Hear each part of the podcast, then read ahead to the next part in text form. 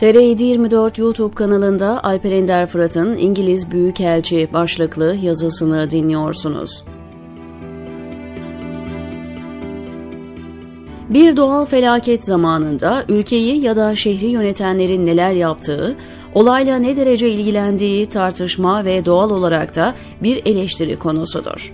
Hatırlıyorum Şubat 2004 tarihinde İstanbul yine böyle bir yoğun kar yağışıyla karşı karşıya kalmış, dönemin belediye başkanı Kadir Topbaş bu esnada yurt dışında olduğu için yoğun bir şekilde eleştirilmişti. Hatta belediye başkan yardımcısı İdris Güllüce, o yoksa ben varım, eleştiriler çok yersiz gibi cümlelerle savunma yapmıştı. Normal demokrasilerde kamuoyunun ya da muhalefetin şehri yönetenleri bu nedenle eleştirmeleri, yöneticilerin de bunlara izahat getirmeye çalışmaları gayet normal. Ancak normal olmayan İBB Başkanı Ekrem İmamoğlu'nun bu konuya ve eleştirilere verdiği tepkiydi.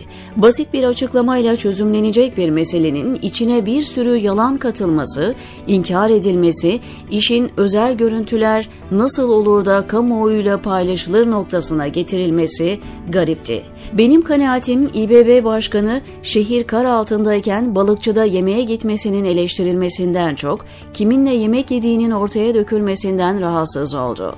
İngiliz Büyükelçisi ile ailece yemek yemenin bu topraklarda hep bir anlamı olmuştur. Gerçi İngiltere Büyükelçisi ile İBB Başkanı'nın ailece bir araya gelmesinin politik bir anlamı olmayabilir de hani AKP'yi seçimde yenmiş bir adamla her ülke iyi ilişkiler kurmak istemiştir. Belki bu yemek bu kadar basit bir gerçeğin yansıması da olabilir. Bilemiyorum. Ancak İmamoğlu'nun bu yemeğin böylesine deşifre olmasından rahatsız olduğu bir gerçekti. Üstelik bir ay içinde bu üçüncü buluşmaları olduğu da ortaya çıktı. Ama daha ilginci AKP Genel Başkanı Recep Tayyip Erdoğan'ın iyice kafaya koyduğu İstanbul'a kayyım atamak istediğinden vazgeçmiş olması. Elde somut bilgiler olmadan Erdoğan'ı bu istekten vazgeçirmede bu görüşmelerin etkisinin olduğunu söylemek komplo teorisine girer. Ancak önceki gün NTV Star TV'de katıldığı bir programda İmamoğlu'nun 2024'e kadar görevinin başında olduğunu ifade etti. Erdoğan canlı yayınında iki tavırdan vazgeçtiğini kamuoyuna duyurmuştu. Bunlardan birincisi Sezen Aksu üzerinden yürüteceği ve giderek bir laik anti-laik çatışmasına dönüştüreceği kamplaştırma siyasetinden vazgeçmesi. İkincisi de İBB Başkanı Ekrem İmamoğlu'nun 2024 tarihine kadar görevinin başında duracağını ifade etmesiydi. Bu konuşmanın doğaçlama yapılmayıp prompterdan okunduğunu düşünürsek, ağızdan öylesine çıkmış bir cümle değil de bilerek dillendirilmiş sözler olarak okumak gerekir. Yeri gelmişken dış politikanın dehlizlerini iyi bilen analistlere sormak isterim.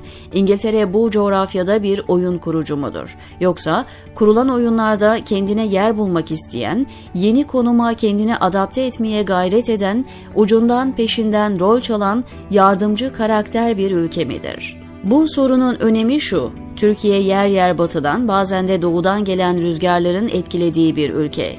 Jeopolitik konum ülkenin bir değeri ama aynı zamanda bir satranç tahtası gibi güç mücadelesinin zemini haline getirebiliyor. İngiltere gölgeye çekildiğinde de temsil ettiği bloklar adına fazlasıyla ön plana çıktığında da en etkili ülkelerden biri. İmamoğlu'na yakın ilgi sürpriz değil. Stratejik akılla yönetilen hiçbir ülke yumurtaları tek küfeye doldurmuyor nitekim, diyor Alper Ender Fırat TR724'deki köşesinde.